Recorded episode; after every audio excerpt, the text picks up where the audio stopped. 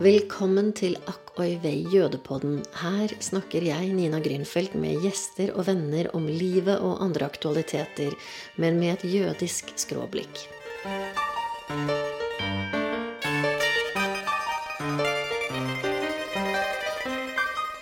Å konvertere til jødedommen er ikke noe man gjør i en håndvending. I denne episoden av Akk og Ivei jødepodden møter dere Nina Lichtenstein, som konverterte pga. kjærligheten, men som ble styrket i sin jødiske identitet da kjærligheten tok slutt.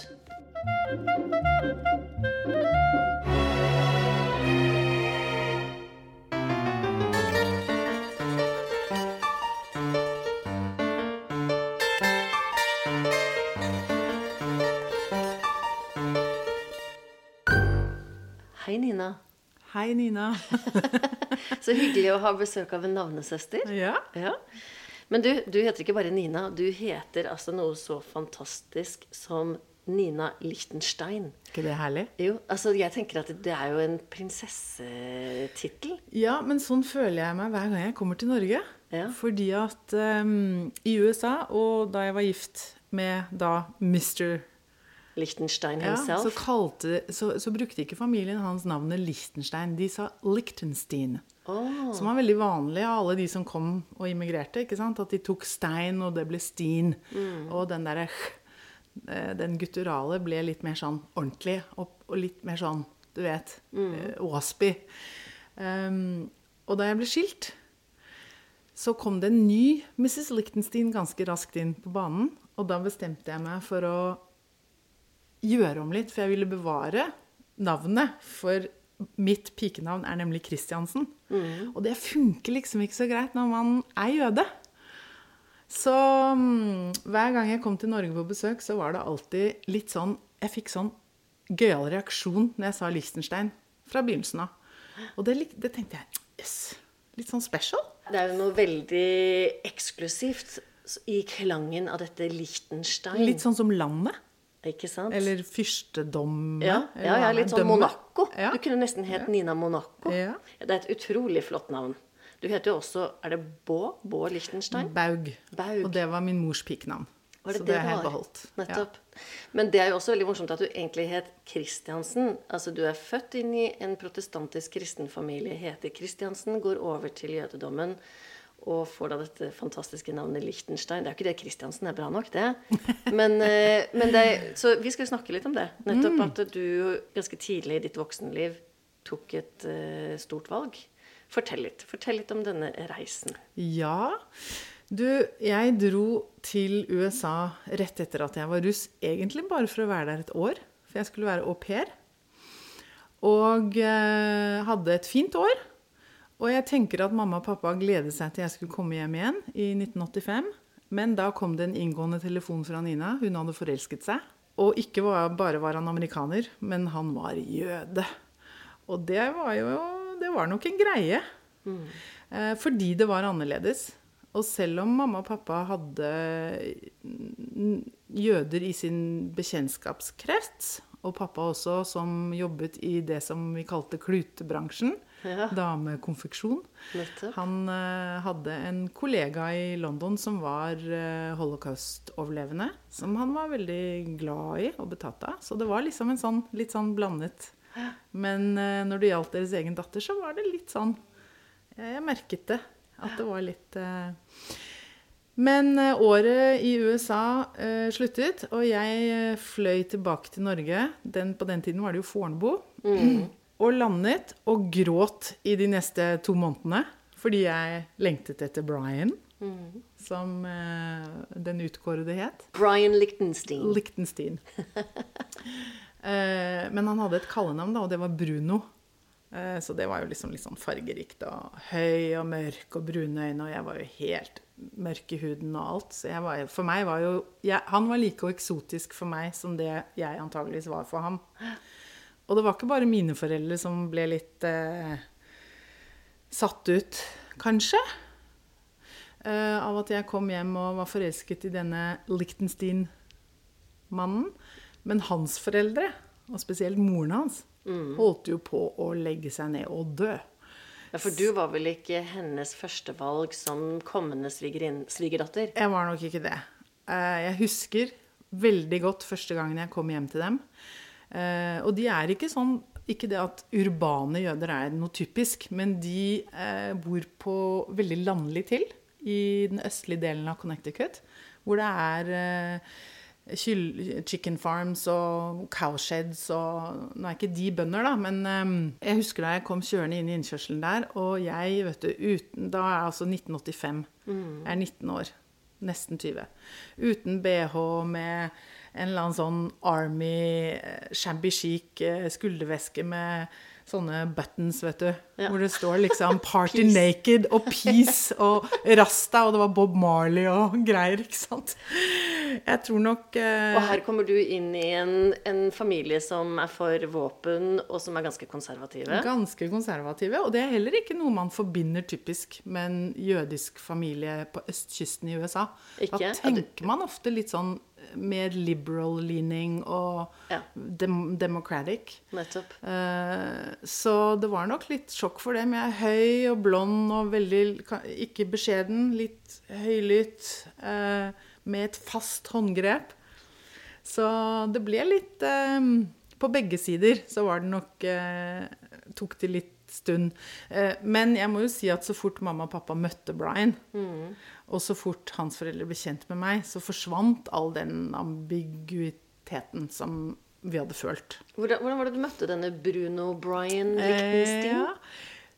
Han eh, jobbet som eh, Somrene, da han var på college, så jobbet han på et Egentlig en, en, en campingplass, men en litt sånn glorifisert campingplass med, med badebasseng og tennisbaner og mye aktiviteter for barn og bonfires og bingo og whatever.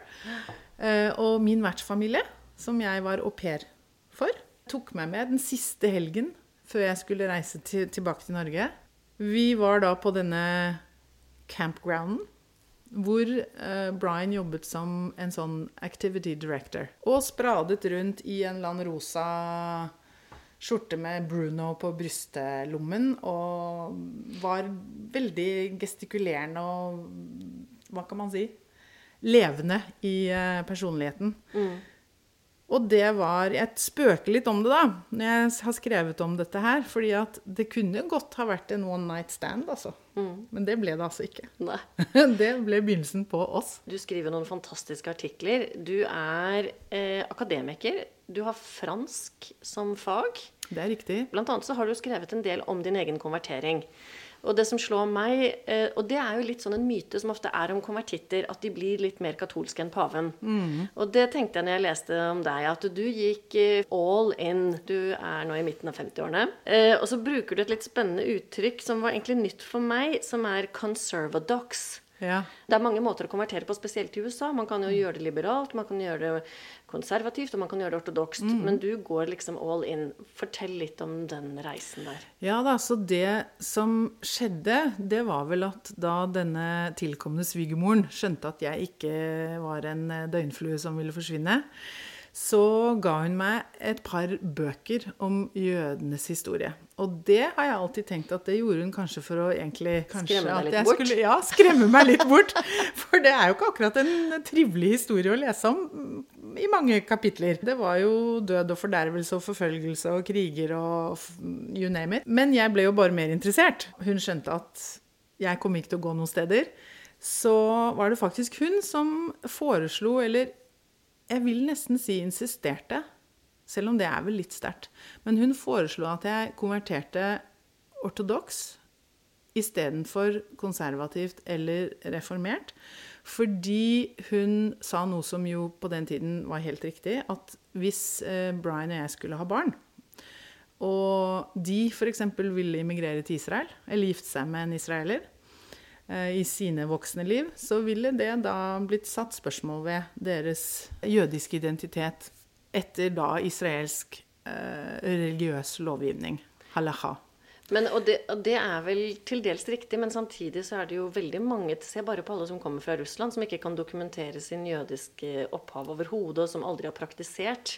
De får jo opphold. De får opphold, men det er, ikke, det, er mye, det er mye krøll. Det er mye slit. Så det var jo egentlig for å Det var todelt, det, tenker jeg. At hun prøvde å få meg til å se verdien ved det. Det ene var dette med fremtiden, og at det var greit å gjøre det liksom all in, sånn at man ikke da ble spurt spørsmål ved. Og det må jeg jo si at nå i ettertid, for det kommer vi til etter hvert Jeg har jo nettopp blitt israeler også, og, og gjort ja, aliyah, og, og eh, immigrert til Israel. I hvert fall for å være der deler av av livet og året. Det var det ene poenget. Dette her med altså the path of least resistance long term, da, for å si det sånn. Selv om jeg må jo si at det å lære med en rabbiner for en ortodoks konvertering, det er ikke en walk in the park. Det tok lang tid. Ja, altså jeg, jeg tenker at For lytternes opplysning så kan det være greit å vite at i motsetning til kristendommen, som er misjonerende, og hvor det jo egentlig bare handler om å bli døpt, så er du i prinsippet kristen, så er jødedommen ikke misjonerende. Og det å bli jøde, det er ikke noe bare enkel walk in the park. Og motsatt, eller enda Man kan ta den enda lenger. Man blir faktisk eh, Oppfordret til ikke å bli det? Ja, man blir faktisk når du Det er en, en av tradisjonene, da, i, eh, som kanskje er annerledes i konservativ og reformert eh, blant rabbinerne i de eh, mer liberale kretsene. Men en ortodoks rabbiner, når en som vil konvertere, kommer for å si 'jeg vil gjerne bli jøde', så er det altså deres eh, kall å si 'nei da, det vil du ikke'. Hvorfor i all verden skulle du ville det? Mm. Og faktisk bli uh, turned away mm. tre, tre ganger. ganger. Og det skjedde, altså. Det sies vel egentlig at du skal avvises tre ganger av det høyeste rabbinatet i Jerusalem. Men var du da der og Nei, ble avvist? Da var jeg i USA hos foreldrene til Bryans rabbiner, som var ortodoks, men moderne ortodoks.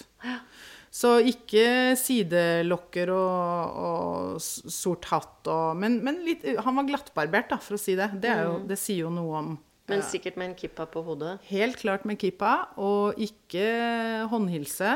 Og den andre årsaken som jeg har tenkt på mye òg, det er jo fordi at eh, ved å da gjennomgå den ortodokse læreperioden, så har man liksom fått med seg hele greia, da. Mm. Og da står man kanskje på et litt mer ikke nødvendigvis solid, men litt mer vitenskapsfullt grunnlag for å da velge til hvilken grad man ønsker å leve det jødiske livet man har valgt siden. Mm. For jeg, Det har alltid slått meg litt når folk som er enten født jøder eller konvertert, og så avslår de liksom andre former for eh, religiøsitet blant jødedommen, da. Eller i jødedommen. Men så vet de ikke egentlig hva det er de sier nei til, eller benekter, eller syns er tullete eller overdrevent. Eller. Så jeg følte at det ga meg et veldig solid grunnlag. Men så var det jo reisen, da, som gjorde at fordi først og fremst jeg er et ganske ansvarlig tror jeg, og litt sånn pliktoppfyllende menneske. Mm. Eldstebarn ikke sant? i flokken. og Du er storesøster? Eh, storesøster og nøkkelbarn. Og, masse jobber da jeg var 12-13-14-15 år. Og ja. de andre vennene festet, og det var kyssing og alkohol på helgene mens jeg liksom sto i butikk og vasket leiligheter og satt barnevakt og sånn. Jeg tok det liksom inn over meg veldig, da, og syns liksom ikke at jeg kunne nå, etter jeg hadde konvertert og, og lest i to år, både med denne ortodokse rabbineren en gang i uken, pluss at han oppfordret meg til å gå på universitetet og ta kurs i jødiske studier. Og det syns jeg var veldig sporty og fint gjort av han. Fordi han sa at der, når du skal lese for å få karakterer, så blir det en helt annen, får du et helt annet forhold til temaet. Så jeg var på University of Connecticut alt da og holdt på med franskstudier. Og de hadde også en fin uh, Jewish Studies uh, department, så jeg begynte å ta kurs der. Og da får du karakterer, vet du. Og så da har du den lille Flykte-Lise-piken som da så, så, jeg gjorde jo så bra og fikk jo så mye credits og sånn, så etter hvert så fikk jeg også en degree i Jewish Studies. Nettopp. I tillegg til fransken. Og etter to år mente denne rabbineren at jeg var klar. Tilkommende svigermor og jeg dro til Boston, til det ortodokse rab Vad Harabonim, eh, rab rabbinatet som er der. Og så godtok de meg ikke. Og hvorfor ikke? Nei, de sa Jo, de var imponert og sånn og sånn og sånn, men de sa at hvis jeg var villig til å bare slippe alt og dra til Israel og studere på eh, yeshiva, en religiøs mm. skole for kvinner, mm. da skulle de signere papirene der og da. Eh, for de mente at det ville vise da den eh, totale eh, Commitment. commitment ja. For de, de, er jo ikke dumme. De skjønte jo at, selv om jeg ikke akkurat la kortene på bordet, at det var en kjæreste i bildet som var jøde. At jeg, jeg hadde jo ikke bare våknet en morgen og sagt 'jeg vil bli jøde'. Det var en motivasjon der som var, hadde romantisk årsak. Ja, hva gjorde du da? Dro du til en yeshiva? Nei, jeg sa nei. Nei. Og da bare sendte de meg på dør. Vet du hva? Jeg husker det, det var vel kanskje en av mine første sånne store rejections. Ja. Det var ydmykende. ja. Tre menn? Tre menn. Tre eldre menn, kanskje? til Ja, ganske eldre menn. Ja. Hyggelige, men morske, husker Ja. jeg. Og så var det tilbake til Connecticut, da. Med litt sånn uh, hengegeip. Og litt sånn uh, Vondbråten. Og så fortsatte jeg å lese, og fortsatte på universitetet. Og året etter så gjorde vi det om igjen, men da dro vi ikke til Boston. For de var kjent for å være veldig strenge. Da fikk jeg en bet-in, eller tre rabbinere, i lokalmiljøet i Hartford, Connecticut, hvor Brian og jeg etter hvert eh, bosatte oss. Og de var en helt annen kaliber. De var ortodokse, de òg. Men levde med to mer tolerante syn overfor at man, man gjør det man kan, og man det er liksom Litt mer pragmatisme. Litt mer pragmatisme. For eksempel, man skal jo ikke kjøre til synagogen På på, shabbat. på shabbat hvis man er ortodoks, eller mange konservative jøder også foretrekker å ikke gjøre det. Parkeringsplassen bak synagogebygget, der er det en, en port som man kan låse. I en strikt ortodoks synagoge så ville nok den Blir låst. bli låst. Men i vår synagoge i Hartford, Connecticut, hvor da den ene rabbineren var hovedrabbiner, der var den liksom åpen, og så bare så de den andre veien. Istedenfor å gi noen guilt-feeling fordi de kjørte, f.eks. Men du valgte jo bl.a. å teipe lysbrytere osv. Jeg tenker at du gikk jo virkelig all in, Nina. Ja, når du sier lock, stock and barrel, er det det man sier? Så sier jeg lock, stock and mikva. Ja. Eh, Så ja, i begynnelsen gjorde jeg jo det. Fordi at igjen, den pliktoppfyllende delen i meg, som jo er blitt litt mer sånn easygoing ettersom årene har gått, da. Det må jeg si, og det er egentlig bare deilig. Og det tror jeg også har vært en naturlig syklus på denne reisen min. Men ja, på begynnelsen så var det veldig Gud a meg, jeg husker en gang mamma kom. Da hadde jeg akkurat født min første sønn, Tobias, som nå er 27. Mamma som jo ikke er jøde, og som egentlig ikke skjønte så mye av korsersystemet hjemme på kjøkkenet, og melkekar og tallerkener og bestikk og kjøttkar og sånn. Og så tok hun feil og varmet opp et eller annet. Jeg tror det var hun varmet opp noe melk i et kjøttkar. Og jeg fikk jo Jeg bare gikk Jeg bare, jeg bare I lost it, liksom. Og det, det var nok litt hormonelt òg, da, for jeg hadde jo et helt nyfødt barn. I ettertid, og også senere den dagen, så fikk jeg jo skikkelig dårlig samvittighet, for hun ble jo helt knust. Ja. Hun trodde jo at Du eh, hadde ødelagt hele kjøkkenet hennes. ja, ja, ja. Så jeg tenker jo tilbake på sånne ting, og tenker ja, ja, ok. Sånn uh, beginners eh, Men så levde du altså i et ekteskap med Brian i 22 år. 22 år, og du var en jødisk mamma, en jødisk hustru. Du sto for, i prinsippet, for den religiøse oppdragelsen hjemme av deres tre sønner. Jeg ser jo for meg denne heilnorske jenta som du skriver om selv, som har gått i strandkanten og fanget skjell og spist alt som fins av sjømat. Det er jo ikke lov lenger. Det måtte du legge til side når du ble jøde. Det er jo ikke kosher med skalldyr osv. Og gir avkall på veldig mye. Eh, Men dette gjør du for kjærligheten og for familien, og er primus motor. Og så skriver du en helt fantastisk artikkel om perioden når du innser at du blir skilt, og møter en kvinne i en forretning. På Som, Starbucks, faktisk. på Starbucks. Fortell om den episoden. Det var liksom når det hadde begynt å bli litt kjent i nærmiljøet. Da, at, at for vi, ikke det at vi var et sånn kjent par, men vi var veldig engasjert i samfunnet. Og da hadde det begynt å lekke litt ut av at Nina og Brian skulle skille seg. Og så sto jeg i kø på Starbucks, og så kommer det ja, en, en, en bekjent, da. Ikke en venninne, men en bekjent. Eh, litt sånn type som kanskje mange miljøer har. Litt, litt sånn karikatur av den mannen eller kvinnen som er litt dens. Hvordan sier man det? Litt intens. Ja, eller litt intens. Mangler legger seg litt opp i ting som Ja. man egentlig ikke har noe med. Og litt høylytt. Og liksom på steder og til tider som bare eh, ikke passer seg. Ja. Men som man alltid er sjenerøs, eller jeg, da.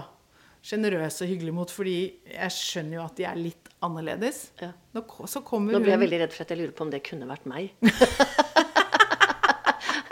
men, men. Shit da, vi har alle, vi har alle gjort våre feil. Og så med litt sånn høy stemme så sier hun Oh my God, Nina, I hear you're getting divorced. So tell me, are you gonna stay Jewish? Are you gonna keep kosher still? Og jeg bare husker at adrenalinet, vet du, når du føler noe bare i hjertet, og alt bare faller ned i føttene dine, og du blir helt sånn kald og litt sånn Jeg ville jo ikke svare henne sånn som jeg kanskje egentlig litt sånn instinktivt ville da. Du vet, smelle noe tilbake. Du er jo altfor dannet til det, du. Ja, men det begynner også å forandre seg litt. Når du har vært i Israel en stund, vet du, da Ja. begynner det å bli litt Da får du litt touch. Ja, ja, ja. Da, da løsner det litt der. Og det er bare deilig. Det Jeg sa veldig sånn høflig at selv om jeg skiller meg, så skiller meg, jeg meg ikke fra identiteten min. Mm, det var klokt sagt, da. Ja, det var jo klokt sagt. Men jeg må jo si også at det som skjedde da jeg skilte meg, det var faktisk et brekk i den jødiske reisen sånn rent identitetsmessig, som jeg nå anser som veldig positiv. Men hva sa din svigermor, da? Når vi skulle skille oss Ja, hun var veldig lei seg. Vi var veldig glad i hverandre. Denne litt rare familien som var erkekonservative. Så de eh, bar våpen, hele gjengen. Har generator bak huset for når liksom Armageddon kommer. Shooting range nede på åkeren i skogen. Hva var det de var redde for? Ja, alt. Ja. Redde for uh, mennesker som var annerledes enn dem. Redde for uh, germs. Ja. Skikkelig sånn basillefobi, hele gjengen. Og, og, og min svigerfar var eh, kjevekirurg. Så han var jo en, en eh, vitenskapsmann. Ja. Men de var altså De var like intense rundt liksom de oppfatningene som de var i også kjærlighet. Og eh, jeg ble jo 110% tatt imot av dem. Og du vet, det kom jo tre barnebarn, én etter den andre, vet du, som var flotte og store og deilige og rundkinnede og blå, blåøyde. Ja. Men nå er det hva da? Ti år siden skilsmissen? Nå er det elleve år siden skilsmissen. Det som jo skjer videre i ditt liv, som er et stort, spennende nytt vendepunkt, er jo at du, du møter en ny mann som simsalabim også er konvertitt. Og ikke bare er han konvertitt, Nina, men da jeg studerte jødiske studier på universitetet i Connecticut på ja, slutten av 80-tallet, for jeg konverterte i 1988, det var det året jeg også giftet meg, da var han en av professorene. Og du vet, det høres jo helt litt sånn aha ut. Og hvilken klisjé! Ikke sant? Å ja, hun i med professoren sin. Men på den tiden så var jo jeg dritforelsket i Brian og skulle jo gifte meg med han. Og sto på konverteringsterskelen. Eh, Og han var eh, middle-aged og hadde seks barn og et rikt jødisk liv og hadde den flotte kona. Så de var, hun, hun minnet meg alltid litt sånn om Sophia Loren. Mm. Jeg syns hun var så flott. Han var min mentor på universitetet. Han er jo min, mine foreldres generasjon. 27 år eldre. Jeg har jo psykoanalysert meg selv ganske Ja, jeg tenkte jeg måtte spørre om det. Har du et eh, ødipuskompleks? Helt klart.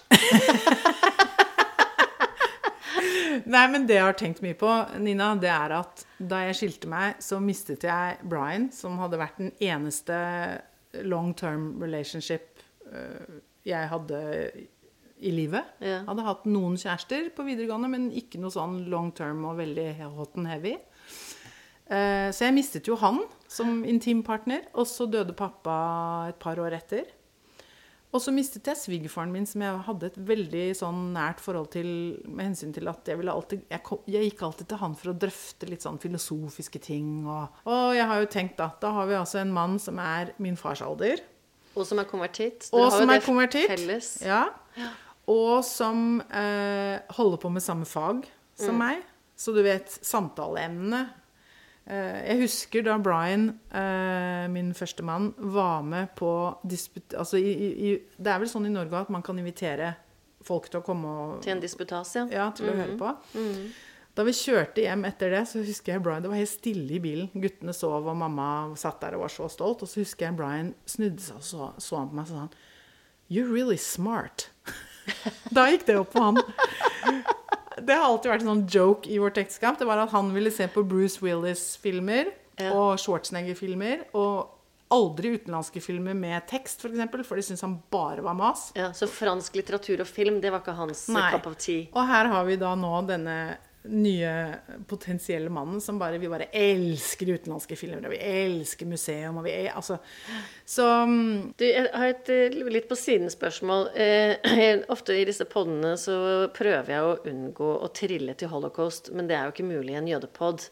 Og så tenkte jeg på deg. og så I og med at du er konvertitt, og du het til og med Kristiansen, fra en kristen kulturell familie, er det mulig å være jøde uten å ha holocaust som en del av sin historie?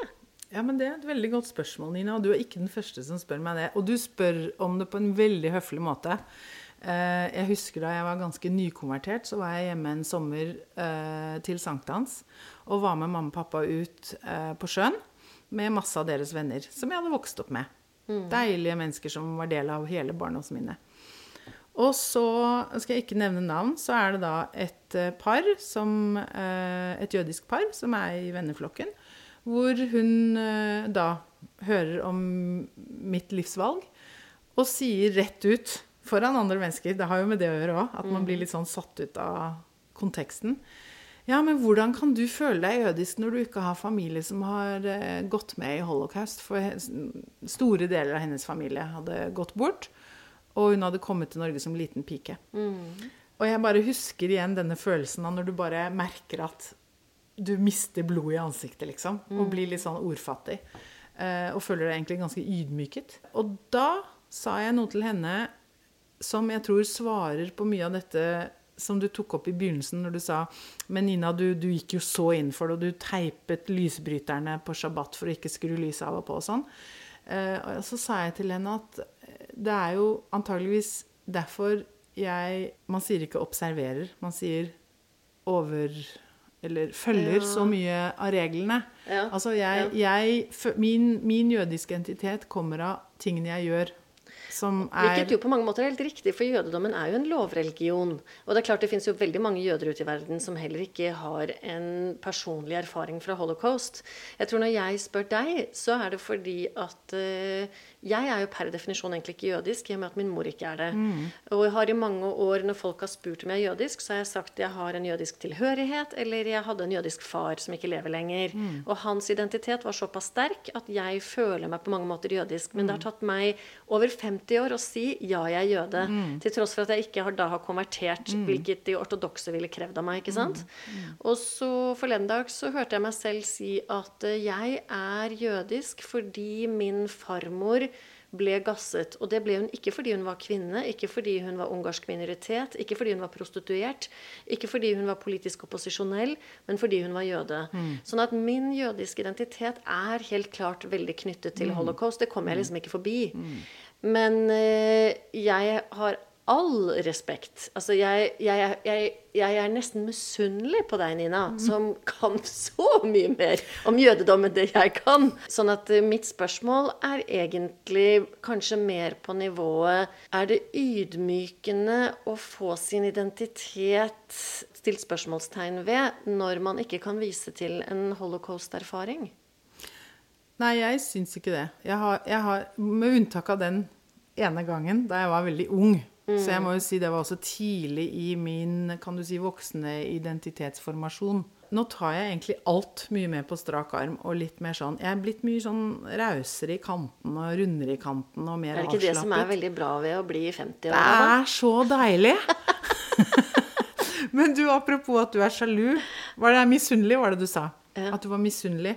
Jeg må jo bare si, da, at nå er du misunnelig overfor meg, men jeg husker at jeg var misunnelig overfor deg i sin tid. Nei, hvorfor jo, det?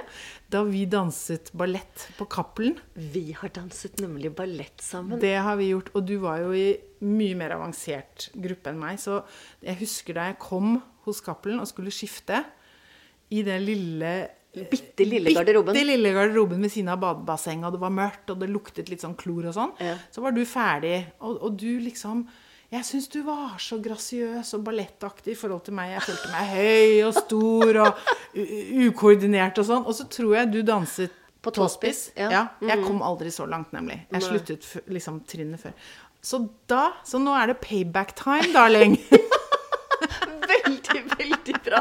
Og så er jo det egentlig utrolig festlig at vi har faktisk en historie tilbake til Dette må ha vært eh, tidlig i tenårene, kanskje? Eller til og med før det? Før det. Ja. 70-tallet. Ikke sant? jeg. Midten, midten Ja, vi var vel sånn 10, 12, 13, Ja, 14 jeg tipper det. rundt der. Ja.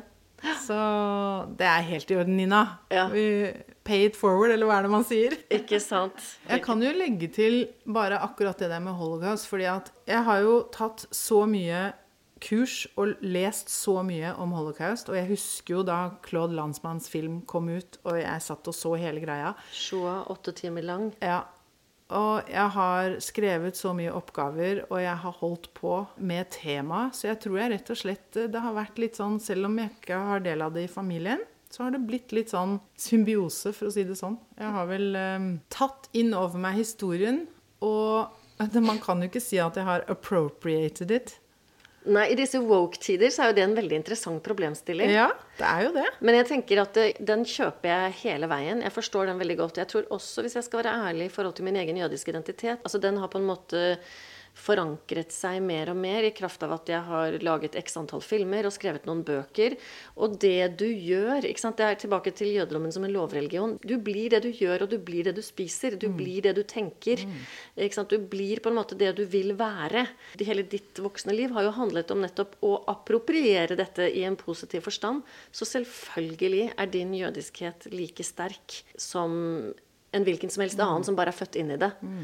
Og kanskje egentlig på mange måter kan man si enda sterkere. Nettopp fordi det er konkrete valg da, du tross alt har tatt. Ja, det at jeg tok alt seriøst og, og holdt korser og gikk til og med i mikvaen i det rituelle badet hver måned Mm, etter menstruasjon. Ja. Men lever du nå mindre observant, altså mindre religiøst? ja, så det var jo det vi kom litt innpå med skilsmissen. For da skjedde det ting. Da dro jeg til Israel for første gang. Jeg hadde ikke vært i Israel én gang, for det var en annen fobi som familien hadde. Dette her at det var tross alt intifadaer, og det var utrygt og eh, Så de dro ikke til Israel. Eh, og Brian var aldri noe sånn game på at vi skulle prioritere det. Nå skal det sies at en stor del av budsjettet vårt var jo å dra til Norge hver sommer. da. Så jeg hadde jo med guttene hjem hver sommer i alle år. Eh, så det var jo også et økonomisk spørsmål.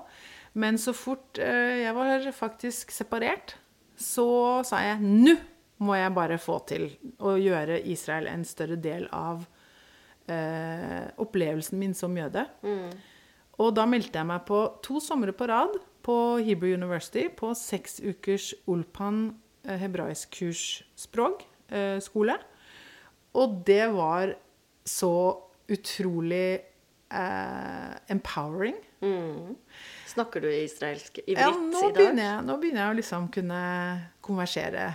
Hvordan er det når du nå er hjemme i Norge og forteller norske venner og familie at du har en israelsk identitet? Hvordan reagerer Ja, det er et veldig Folk. godt spørsmål, eh, Nina. Jeg vet at det er venner som har sagt at med Nina så bare velger jeg å ikke diskutere politikk og Israel. Bare som en sånn respektgreie. Mm. Jeg er åpen for å diskutere det. Jeg syns det er spennende og gøy, og det har jeg egentlig alltid syntes. Men spesielt etter at jeg dro til Israel og begynte å, å utvikle et eget forhold til den kompleksiteten. Og det jeg skal si, som jeg tror er litt sånn shifting point, det er at i det jeg begynte å tilbringe mer tid i Israel, og oppleve meg selv som jøde i et veldig variert jødisk samfunn, og med arabere og palestinere, så begynte jeg å oppleve at på en måte den jødiske identiteten min fikk større lunger. Du nevner din relasjon til Israel og møter også med arabisk kultur, og det bringer meg over til en helt annen side av deg, Nina, og det skal dere få høre mer om i neste episode, som også er med Nina Lichtenstein.